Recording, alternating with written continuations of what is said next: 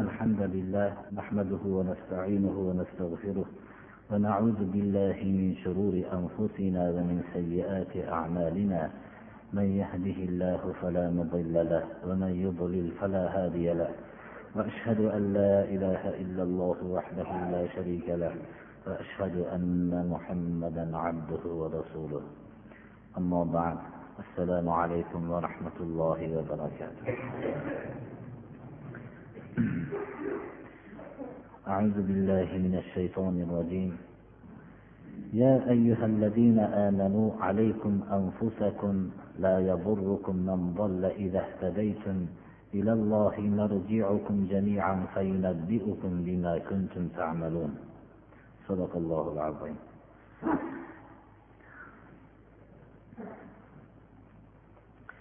alloh subhanahu va taolo islom jamiyatini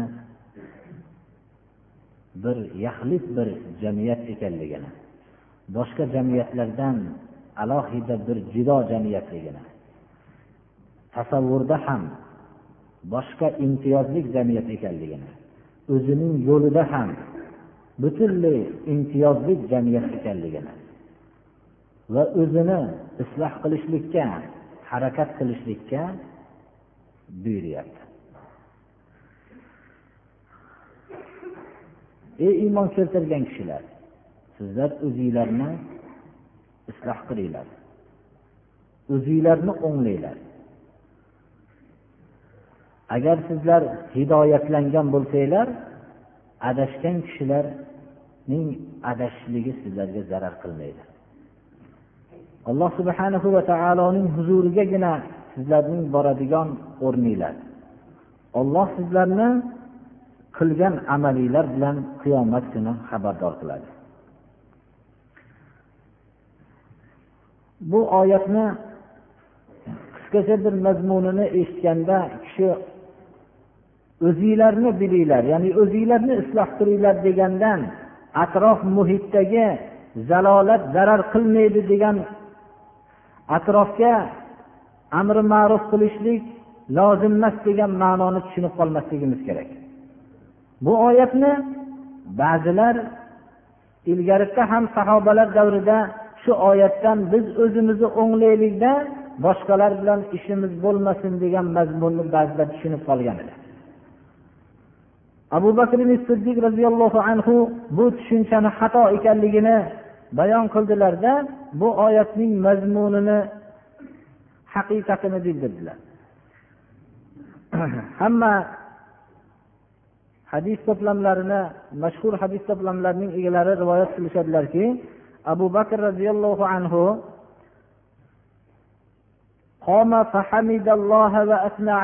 xalq o'rtasida turib allohga hamd aytib allohga sano aytdilarda ثم قال أيها الناس إنكم تقرؤون هذه الآية يا أيها الذين آمنوا عليكم أنفسكم لا يضركم من ضل إذا اهتديتم وإنكم تضعونها على غير موضعها وإني سمعت رسول الله صلى الله عليه وسلم يقول إن الناس إذا رأوا المنكر ولا يغيرونه يوشك الله عز وجل أن يعمهم بعقابه allohga hamdu sano aytganlaridan keyin ey odamlar sizlar shu oyatni o'qiysizlar deb hozirgi o'qilingan oyatda aytdilar va bu oyatni o'rnidan boshqa yerga qo'yasizlar. Ya'ni noto'g'ri tushunib noto'g'ri ma'no berasizlar dedilar.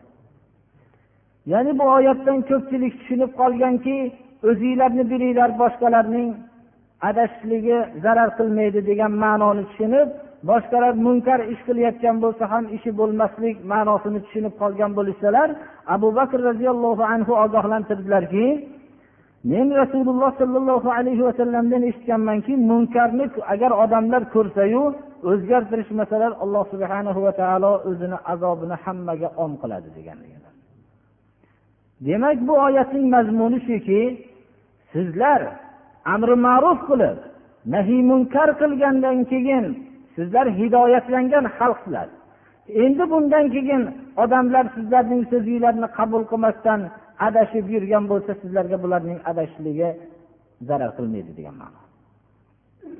Demak biz amri ma'ruf nahiy munkarni qilganimizdan keyin xalqlar bizni qabul qilmaydigan bo'lsa bularning qabul qilmasligi ularning munkar ishda davom etishligi bizga zarar qilmaydi. Ya'ni islom bu bilan o'zining adolatini ko'rsatyaptiki boshqani gunohi bilan boshqani azoblanmaydi. Demak bir kishi o'zidagi mas'uliyatni o'tagandan keyin u boshqaning zalolatiga bu javob bermaydi. Mana bu ma'noni anglashimiz kerak. يا أيها الذين آمنوا شهادة بينكم إذا حضر أحدكم الموت حين الوصية اثنان ذوى عدل منكم أو آخران من غيركم إن أنتم ضربتم في الأرض فأصابتكم مصيبة الموت تحبسونهما من بعد الصلاة فيقسمان بالله إن ارتبتم. لا نشتري به ثمنا ولو كان ذا قربى. ولا نكتم شهادة الله إنا إذا لمن الآثمين. فإن عثر على أنهما استحقا إثما فآخران يقومان مقامهما. من الذين استحق عليهم الأوليان فيقسمان بالله لشهادتنا أحق من شهادتهما. وما اعتدينا إنا إذا لمن الظالمين. ذلك أدنى أن يأتوا بالشهادة على وجهها أو يخافوا أن ترد أيمان بعد أيمانهم واتقوا الله واسمعوا والله لا يهدي القوم الفاسقين bu uchta oyat bir hukmni bayonini o'z ichiga oladi ya'ni bu oyatning mazmuni shundan iboratki bir kishi o'zining ajal vaqti yaqinlashganligini sezdi Va o'zining ahliga vasiyat qilmoqchi bo'ldi.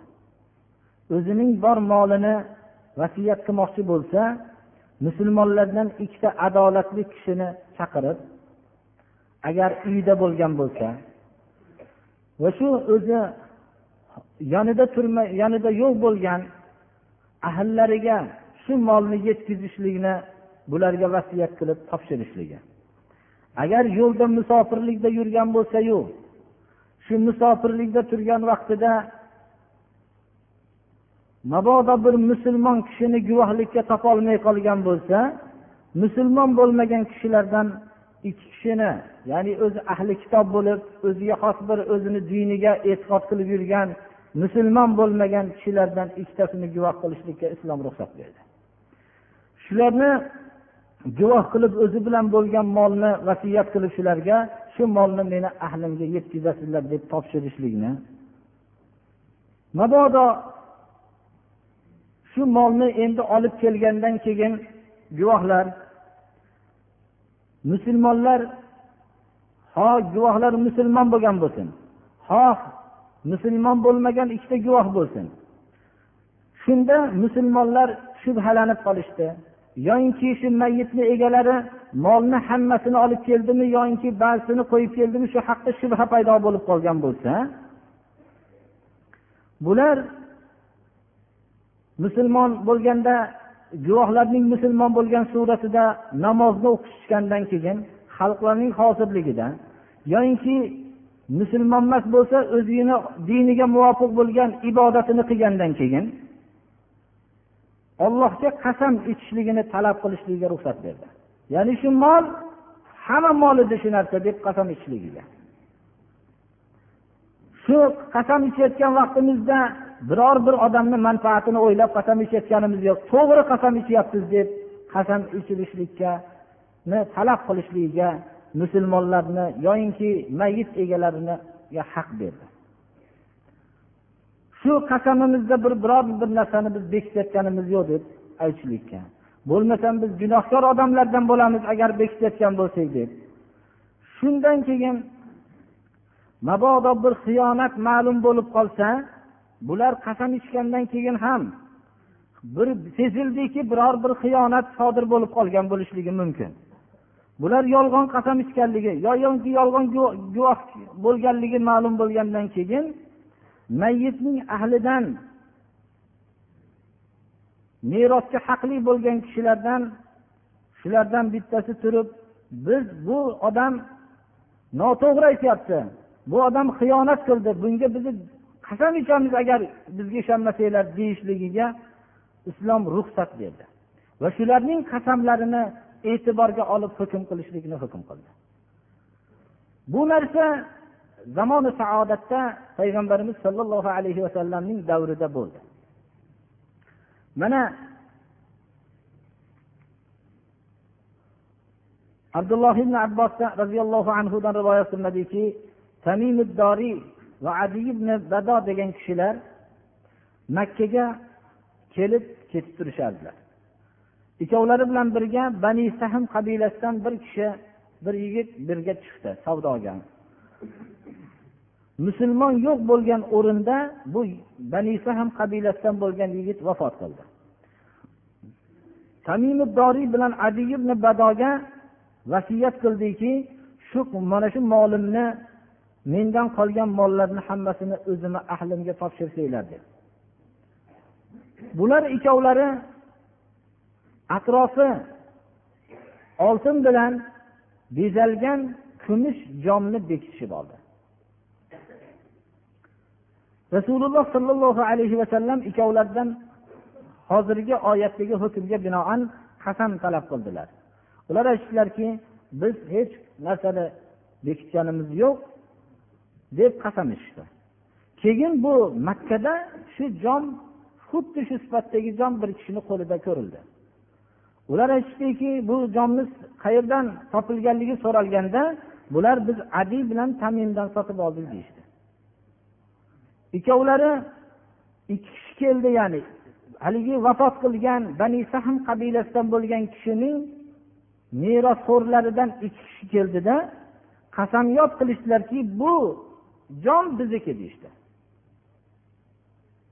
Shunda ular ham qasam ichgan edi. Biz hech narsani bekitmaganmiz deb. Bular mayitning egalari kelib bu jon qasamyod qilib aytamizki bizniki deyishdi. Deganlaridan keyin biz mayitni egasi bo'lganimizdan keyin mol bizniki bo'lgandan keyin bizni qasamimizni e'tibor qilinishligi haqliroq deyishdi. Qasamimizda tajovuz qilganimiz yo'q. Agar qasamimizda biz yolg'on qasam ichayotgan bo'lsak zolimlardan bo'laylik deyishdi. Mana bu oyat shunda nozil bo'ldida jonni merosxo'r kishilarga qaytarib berildi. Oyatning mazmuni tushuntirilib voqeiy misoli tarixda bo'lgan misol aytilgandan keyin oyatda aytilsa tushunarli bo'ladi ey iymon keltirgan kishilar sizlarni o'rtanglarda o'lim sizlarga hozir bo'lib qolgan vaqtda vasiyat qiladigan soatinglardagi guvohlik ichinglardan bo'lgan adolatli ikki kishini guvohligi guvoh qilasizlar. Yoyinki o'zinglardan bo'lmagan islomda bo'lmagan boshqa dinga mansub bo'lganlardan ikki kishini safarda bo'lib qolganinglarda topish qiyin bo'lib qolsa bu ajal u guvohni topguncha qarab turmaydi. G'ayri dindan bo'lsa ham o'zini bir qandaydir bir dinga mansub bo'lgan kishidan ikkita guvohni qilishlikka shariat ruxsat berdi agar yerda safarda bo'lsanglar dedi o'lim musibati yetgan bo'lsa g'ayri dindan guvoh qilsanglar ham bo'ladi. Musulmonlarga xitob qilib alloh taolo aytyaptiki bularni namozdan keyin ushlab turasizlar dedi. Musulmon bo'lsa musulmonlarning besh vaqt namozidan uni qaysi biridan keyin ba'zilar asr namozidan keyin deyiladi chunki asr namozidan keyin ko'pchilik jamlanadigan soat bo'ladi deyiladi. Agar g'ayr islomda bo'lmasa o'ziniga xos bo'lgan ibodatdan keyin odamlarni o'rtasida ushlab turasizlarda ikkovlari ollohga qasam ichishadiki agar shubhada bo'lsanglar shubhalanib qolsanglar qasam ichishadiki biz bu qasamimiz muqobalasiga biror bir pul olmaymiz. Ya'ni yolg'on qasam ichayotganimiz yo'q deb qasamyod qilishadi.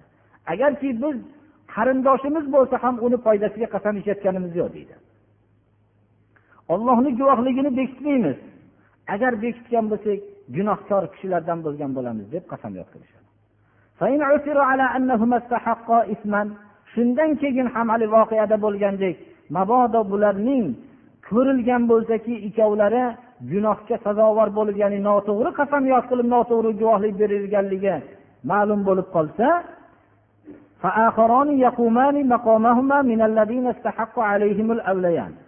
ya'ni merosga haqliroq bo'lganlardan ikki kishi so'radida ular ollohga qasam ichadi hali misol qilib aytganimizdek mayit ahllardan merosxo'rlardan ikki kishi turadi. Xiyonat ma'lum bo'lgandan keyin bizni guvohligimiz ularning guvohligidan haqliroq. Biz molniga haqdor bo'lgan kishimiz bizni guvohligimizni qabul qilishinglar kerak deb qasamyod qiladi. Qasamimizda biz tajovuz qilganimiz yo'q. Agar shunday xato qasam ichayotgan bo'lsak zolimlardan bo'lgan bo'lamiz deyishadi. Alloh subhanahu va taolo bu hukmni bayon qilib bu hukm hozirgi hukm shahodat guvohligini odamlar o'zini yo'li bilan to'g'ri yo'li bilan olib kelishligiga yaqinroqdir. Va hamda qasam ichganlaridan keyin qasamlarining qaytarilishligidan qo'rqishliklariga yaqinroqdir. Odam bilsaki agar men bir guvoh ikkita odam bilsaki biz guvoh bo'ldik mayit bizga vasiyat qildi molini oldik ba'zi narsasini agar bekitadigan bo'lsak biz qasamyod qilsak ham bizdan gumon paydo bo'ladigan bo'lsa mayit ahllari o'rnidan turib qasamyod qilsa ularning qasamlari mo'tabar bo'lib bizning qasamimiz orqada qoladi e'tiborsiz bo'lib qoladi degan narsani bilishlik uning yolg'on qasam ichish oldini to'sib turadi. Qur'oni karim aytyaptiki bu narsa qasamdan keyin yana qasamlarini rad qilinishligidan qo'rqishlikka yaqinroqdir islom shu yerda bir odam qasamyod qilishligi bilan tamom yolg'on bo'lsa bo'ldi deydigan deb hukm qilmadi. Mayit ahllarining haqdor kishilarning qasamlari keyin ichadigan bo'lsa ularning qasamlarini e'tibor qilib bu guvohlarning qasamini bee'tibor qilib hukmni mayit ahliga hukm qilishligini bayon qildi. Nima uchun? Shu xalqlar o'rtasida xususan ibodatdan keyin o'rnidan turib qasamyod qilgan qasamining bekor bo'lishligi xalq o'rtasida sharmanda bo'lishligini bayon qiladida shu bilan bilib u vasiyat qilingan molning hech qaysini bekitmasdan men qasamyodim buzilishligi bilan umrimni oxirigacha qasamim e'tiborsiz bo'lib qoladi va zurriyotimni sha'niga isnod qoladi degan hukm bilan to'g'ri qasam ichishlikka harakat qiladi. Allohning hukmi eng to'g'ri hukm edi. Ollohdan qo'rqinglar. Ollohni hukmlariga quloq solinglar. Bunday yomon yolg'on qasam ichgan fosiqlarni olloh haq yo'lga hidoyat qilmaydi. Ollohni hukmiga quloq solmagan fosiqlarni olloh to'g'ri yo'lga hidoyat qilmaydi. Islomning mana bu hukmi yigirma uch yil muddatda nechta vasiyat qilinganligi ollohni o'ziga ma'lum. Lekin misol bitta misol o'tdi bitta xiyonat sodir bo'ldi. U ham bo'lsa musulmon bo'lmagan kishilardan sodir bo'ldi. Mana bu qasamyodining mo'tabar bo'lmasdan e'tiborsiz qolishligini bilgan kishi birovning moliga vasiyat qilingan molga xiyonat qilmay qoladi. Hozirgi vaqtdagi bir kishi ikkinchi bir kishidan vasiyat emas qarz bo'lgan bo'lsa mabodo vafot qilib ketgan bo'lsa o'rtada hech kim guvoh bo'lmagan bo'lsa shu bo'yicha qolib ketaveribdi. Shu kishi qalbida olloh biladi shu odamning vafot qilib ketganligiga quvonib ham qolyapti. Nizomlarning fosidligidan mabodo bir shu molni kitobat qilib guvoh qilib qo'ysak ma'lum bir o'rinlarga ma'lum bo'lib shu narsadan bir zarar ko'rmay deb xolis qalbi bilan ishonib berilingan mollar vafot topishligi bilan hali vasiyat emas. O'zini qo'liga qarzga foydalanib turishlikka berilgan mollar shu vafot topishligi sababli qolib ketyapti birodarlar. Bu narsalar alloh subhanahu va taoloning hukmiga bo'ysunmaganligimizni natijasidir.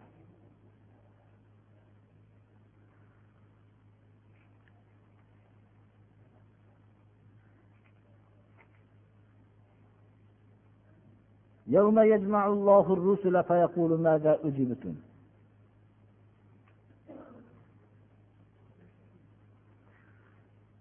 alloh subhanahu va taolo hamma payg'ambarlarni jamlaydigan kunda hamma payg'ambarlar mas'ul bo'lishadi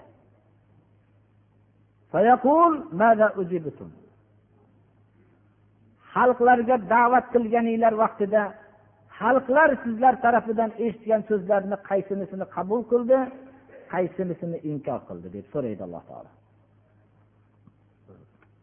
Bu bir dahshatli mavqifki ollohning eng yaqin bandalari bashariyatning bilan olloh subhanahu va taoloning o'rtasida elchilik vazifasidek risolatdek ulug' vazifasini o'tagan biror bir hayotlarida xiyonatning bo'yi ko'rinmagan kishilarning alloh subhanahu va taolo hammalarini jamlab xalqlar sizlarni qaysi so'zinglarni qabul qildi qaysilarini qabul qilmadi qaysi so'zlarga ijobat qilindinglar sizlar degan savolni bo'lishligi boshqa odamlarning qiyomat kunidagi savolning qanchalik bo'lishligini bildiradi. Shunday zotlar risolat haqida risolatning qabul qilinganligi va qabul qilinmaganligi haqida savol mavqifiga turg'iziladigan bo'lsa boshqalarning holi nima bo'ladi? Bo'lib ham bu oyatni tushunishlik uchun misol qilaylik. Bir qudratli podshoh turibdi. Qo'lidan qattiq bir zulmlar qilishlikka qodir bo'ladigan podshoh turibsayu shu yerda sizni bir narsagini aytishlikka jo'natilgan bo'lsangiz u odamlar siz bilan podshoni o'rtasida yaqin bir aloqa bo'lsayu boshqalarga shu gaplarni ayting qaysini qabul qildi qaysini qabul qilmadi deb sizga savol qilishlik boshqa odamlarning o'zi titratib qo'yadi.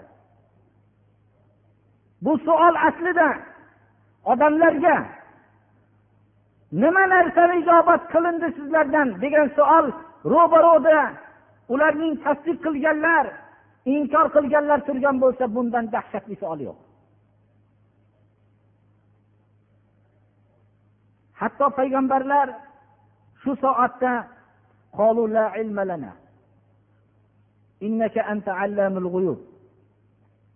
bizni hech qanday ilmimiz yo'q. Qaysi narsalarni bular ijobat qildi qaysi narsalarni inkor qildi biz bilmaymiz deyishadi. Sen g'ayiblarni biluvchi zotsan. Mana bu savol javob bandalarning o'zi inkor qilgan bandalar payg'ambarlarning yo'llarini ba'zisini qabul qilib ba'zisini qabul qilmagan bandalar oldidagi payg'ambarlarga bu xitob qilinayotgan bu savol odamlarning qanchalik bir qo'rquv holatida ekanligini bildiradi.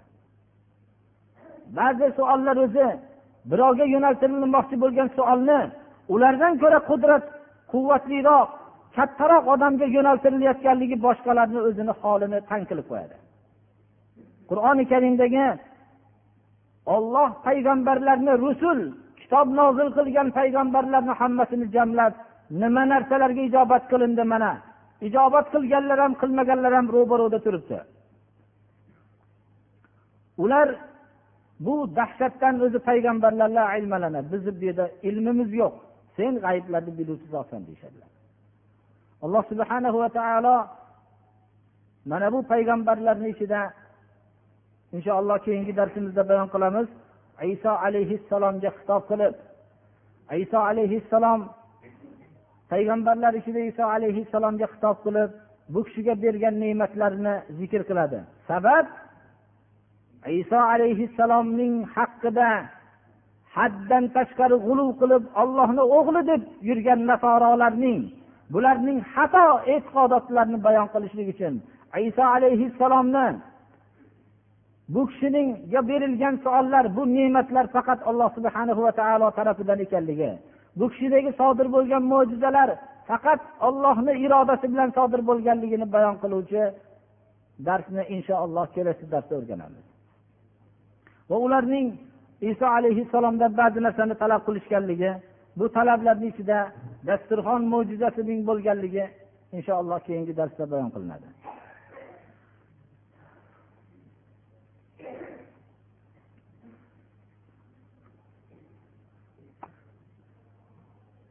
Alloh subhanahu va taolo butun dunyodan hajga ketayotgan ollohni mehmonlarini alloh safarlarini bexatar qilsin. Shular qatorida bizni bu viloyatlardan ketayotgan hojilarni ham alloh safarini bexatar qilsin. Hajlarni alloh taolo o'zi rozi bo'ladigan haj bo'lishligini nasib qilsin. Gunohlari mag'firat qilinadigan haj bo'lishligi va hajjun mabrurun laysa lahu jazaun illal jannah mabrur hajning jannatdan boshqa mukofoti yo'q degan mukofotni alloh taolo ularga ham nasib qilsin. Haj haqida biz peshin vaqtida ba'zi darslarni bayon qilingan bo'ldi.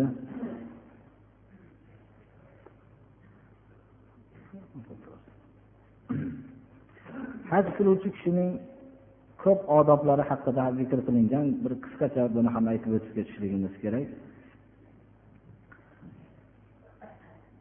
Haj qilgan kishi birinchi o'zining ahliga vasiyat qilishligi kerak va o'zining oilalariga ollohdan taqvo qilishlikni ollohni buyruqlarini mahkam ushlashlikni xonadoniga vasiyat qilib ketishligi kerak. Shu bilan birga mabodo birovda qarzlari bo'lsa yo birovda birovning bundan qarzi bo'lsa shu narsalarni bayon qilib ketishligi kerak. Va haj qiluvchi kishi ollohni mehmoni bo'lib ketayotgan vaqtda biror bir hurmatli kishini mehmoni bo'lib ketayotgan vaqtda qanchalik o'zini bir e'tiborga olib ketayotganda ollohni huzuriga birinchi qattiq tavba qilib ketishligi kerak. Allohga tavba qilib gunohlarni mag'firat qilinishligini va biror bir kishilarga zulm qilgan bo'lsa bu zulmlarni o'zi biladi. Shu narsalarni uzr aytib ketishligi kerak. Shu bilan birga yana haj qilishligi umra qilishligi bilan faqat alloh subhana va taoloning rizosini oxirat xonadonini va allohga qurbat hosil qilishligini maqsad qilmoqligi kerak.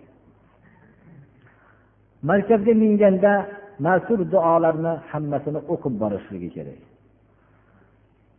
Tilini safarda haj safarida hazil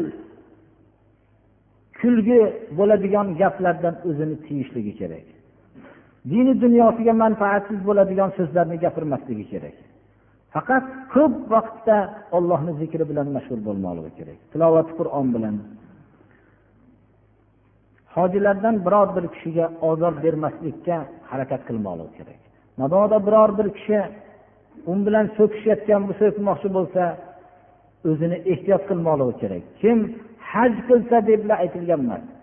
Man hajja valam valam haj qilsayu fisq so'zlarni gapirmasa va rafas janjallashmasa va fahsh hayosiz so'zlarni gapirmasa shundagina gunohdan toza bo'lib keladi deb qayd qilingan. Alloh subhanahu va taolo farz qilgan amallarni bajarishlikka ko'p e'tibor berishlik kerak. Namozlarni jamoat bilan o'qishlikka harakat qilmoqligi kerak. Haramda turganlar iloji boricha namozni haramda o'qishlikka harakat qilmoqligi kerak. Chunki u yerda o'qilingan ikki rakat namoz boshqa yerda o'qilgan minglab rakat namozdan afzaldir.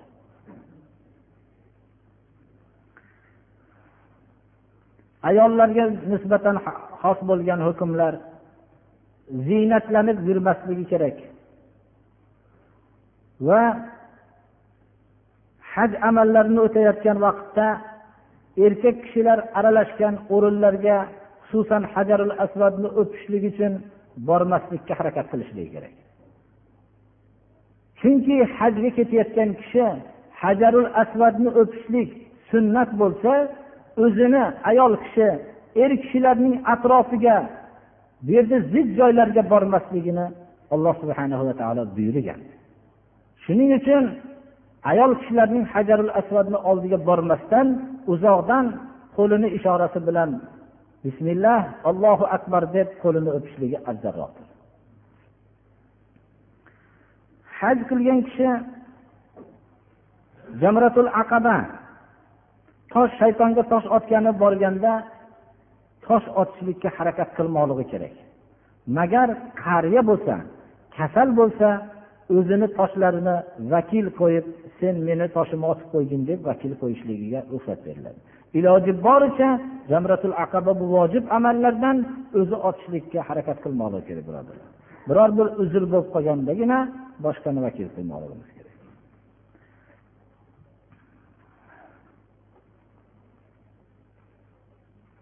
amallarini biz ko'proq peshinda hajga boruvchi kishilarga aytganligimiz uchun bu yerda bir qisqaroq aytyapmiz.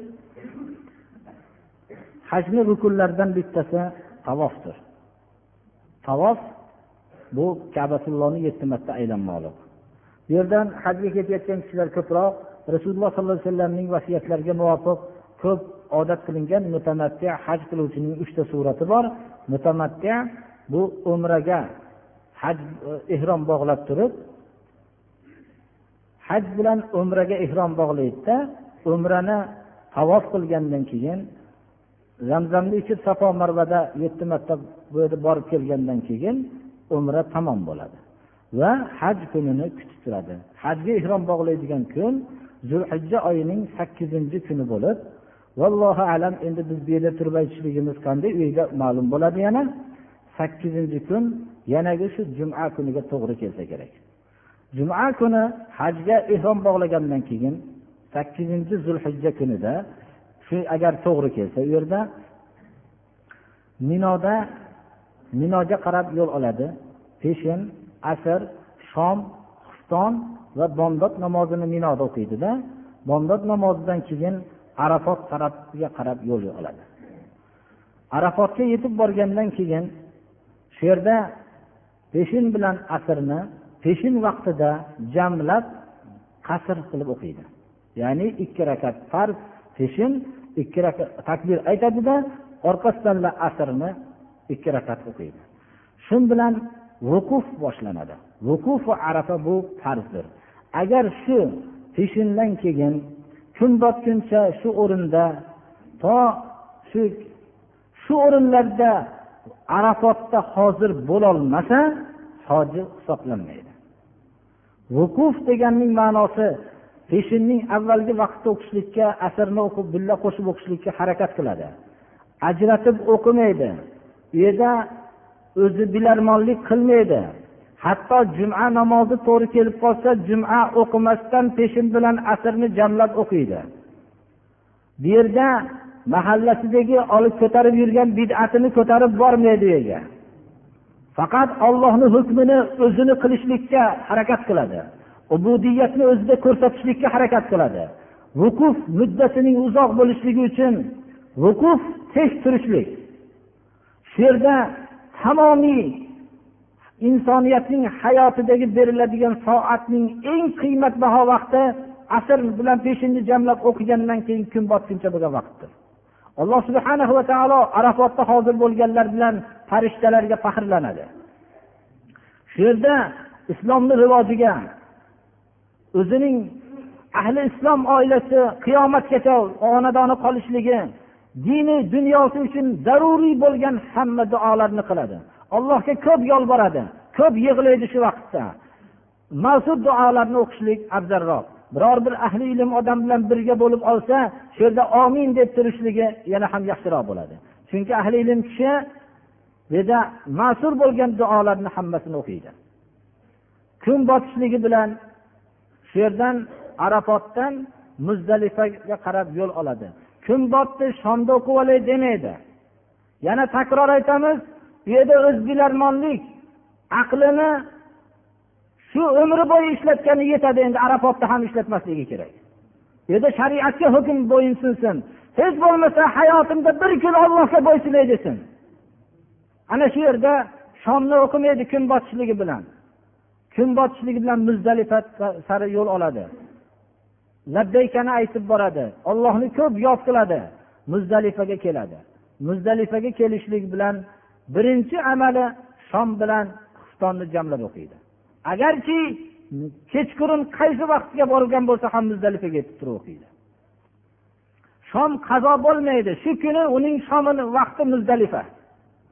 Muzdalifaga kelib shomni o'qiydi orqasidan xustonni o'qiydi. Va o'ziga tosh teradi shaytonni urgani toshni muzdalifadan terib oladi. Minodan tersa ham bo'laveradi. Shu yerda jinday istirohat qilishlikka yotishlikka dam olishlikka harakat qiladi. Chunki ertasiga u minoga borib tosh otadi. Va tavofi ifodani qiladi. Shu qurbonliklar qiladi. Shuning uchun ko'p amallar bo'lganligi uchun shu yerda ibodat qilmasdan yotib uxlashlik ibodatdir. Shuning uchun ozgina yotib dam olishlikka harakat qiladi. Rasululloh sollallohu alayhi vasallam muzdalifada yotganlar deb yotishligi ibodatdir shuning uchun mana shu amallarni hammasini shariat buyurgandek qilishlikka harakat qilmoqligi kerak.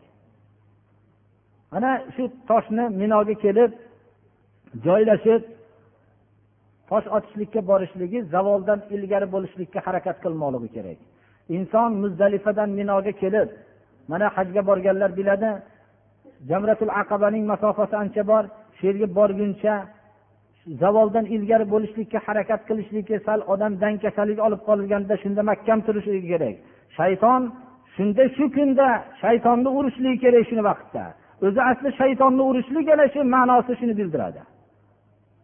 Shaytonni tosh yettita tosh otgandan keyin jamratul aqabatul kubro bu ertasidan bu uchtadan yettitadan yigirma bitta tosh otadi mana. Uni ertasiga ham yigirma bitta uchta joyga borib tosh otadi.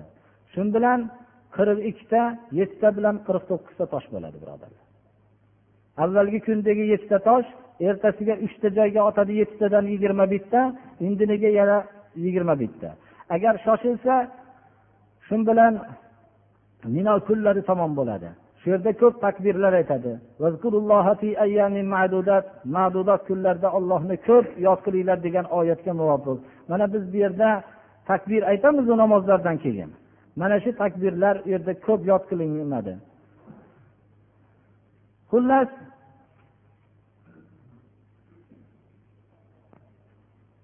ya'ni kichik halollik vazifasini bajaradi.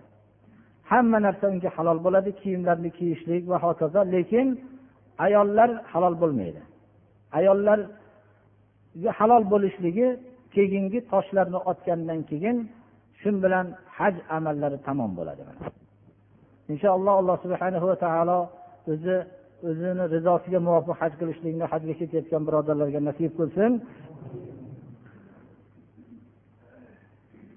Shu yerda amallarni qo'ldan kelgancha qilishlikka harakat qilib olish kerak. Xususan birinchi borayotgan kishilar farzga ketayotganliklarini esdan chiqarishmasinlar. Umrlarida bir marta bo'lgan farzni bajarishlikka harakat qilishsinlar shu misol qasr namozi degani safarga chiqqan kishi o'qiydigan namozni aytiladi qasr namozi to'rt rakatli farzni ikki rakat qilib o'qilinadi. Qasr namozi muddati safar bo'lgan masofaga chiqqandan keyin taqriban yuz kilometrdan ko'ra ko'proq masofani bosib o'tishligi bilan musofir shu niyat qilishligi bilan shahardan chiqishligi bilan musofir bo'ladi. Shahardan chiqishligi bilan yuz kilometr masofani qasd qilganligi sababli namozni farzlarini to'rt rakatli farzlarni ikki rakat o'qiydi. Uch rakatli farzni ikki rakat o'qimaydi ya'ni shomni uch rakat o'qiydi.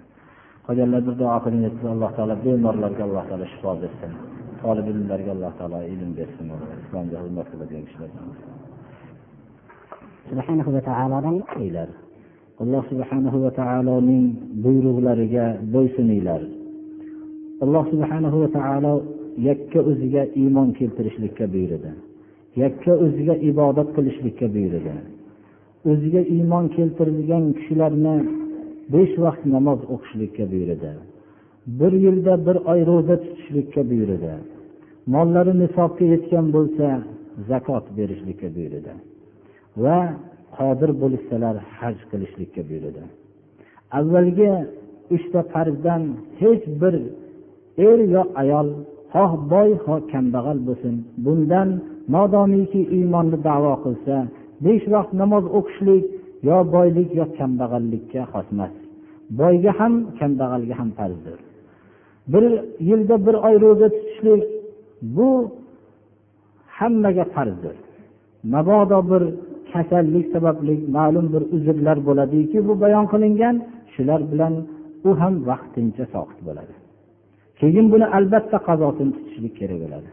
Molni nisobga yetishligi hammaga nasib bo'lmaydi. Moli nisobga yetgan kishigagina bu molidan zakot ulushini ajratishlik farz bo'ladi. Haj ham shunga o'xshagandir. Bo'lib ham zakot bir yilda bir marta davlatman kishiga davom etsa haj bo'lsa bir umrda bir marta farz bo'ladi u ham bo'lsa qodir bo'lgan kishiga. Rasululloh sollallohu alayhi vasallam o'zlari haj qilib amalda ko'rsatdilar. Hajda ko'p manfaatlar borligini alloh subhana va taolo o'zini kitobida yod qildi. Xalifalar rasululloh sollallohu alayhi vasallamning ko'rsatmalari asosida ish olib bordilar. Abu bakr roziyallohu anhuni rasululloh sollallohu alayhi vasallam mana bu haj vaqtida haj boshlig'i qilib jo'natdilar o'zlarini hayotlarida. Umar ibn hattob haj haqida shunday degan ekanlarki لقد هممت أن أنظر من استطاع الحج فلم يحج فأضع في عليهم الجزية ما هم عندي بمسلمين ما هم عندي بمسلمين jizya soliq bu musulmon diyorida musulmon bo'lmagan kishilarga solinadigan soliqni jizya deymiz umar ibn hattob aytgan ekanlarki men bir tekshirib ko'rishlikni qasd qilamanda hajga qodir bo'lgan kishilarni ko'rsamu ular umrida bir marta bo'lsa ham haj qilishmagan bo'lsa shularni ustiga soliq solishlikni men ravo ko'raman degan ekanlar. Ular meni nazdimda musulmon emas meni nazdimda musulmonlar jamoasidan emas shuning uchun ularga soliq solishligim kerak degan ekanlar. Ali ibn abi tolib roziyallohu anhu aytgan ekanlarki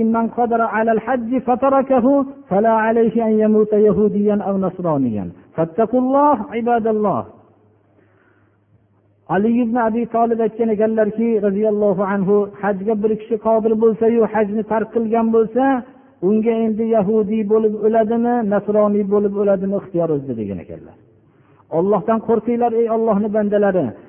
Hajga qodir bo'lgan kishilar agar bu yil qodir bo'lmasa hajga borishlik niyatini mahkam qilmoqliklari kerak. Hajga qodir bo'lgan kishilarning hajga bormasligi nihoyatda bir qattiqdir. Hadis sharifda bayon qilinganki hajga borgan kishilar fisq so'zlaridan birovlar bilan janjallashishlikdan ehtiyot bo'lmoqligi kerak va fahsh so'zlarni aytishlikdan ehtiyot bo'lmoqligi kerak. Rasululloh sollallohu alayhi vasallam aytdilarki man hajja falam yarfus valam yafsuq kayawmin waladathu ummuh.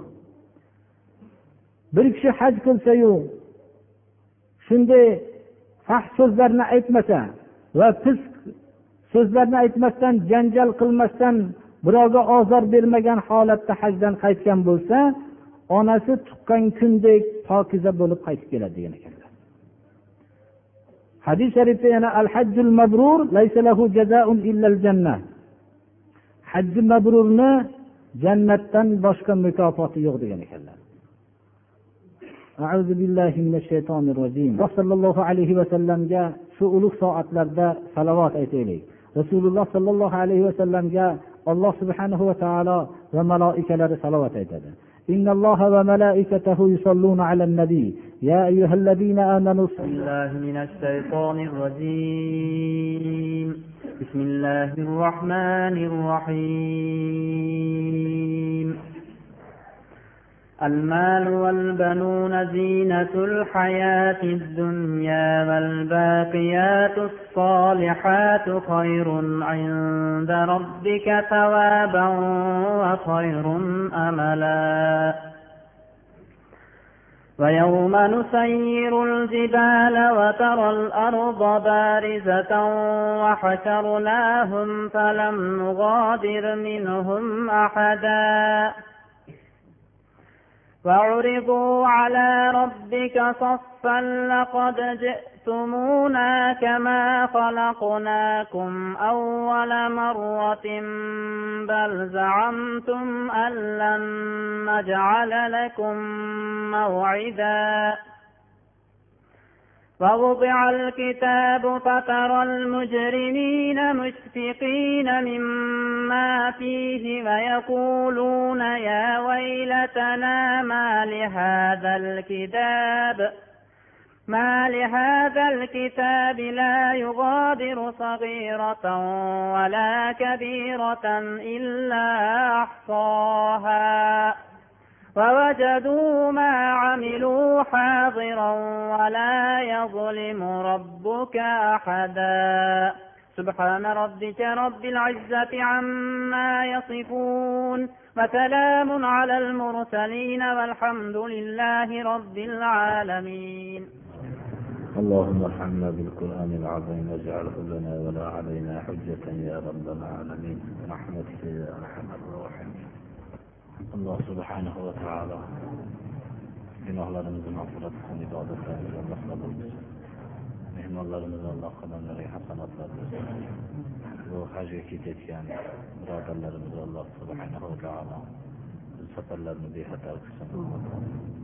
O'zini parvardigoro o'zi osonlik bilan o'zi borib kelishligini alloh o'zi nasib qilsin.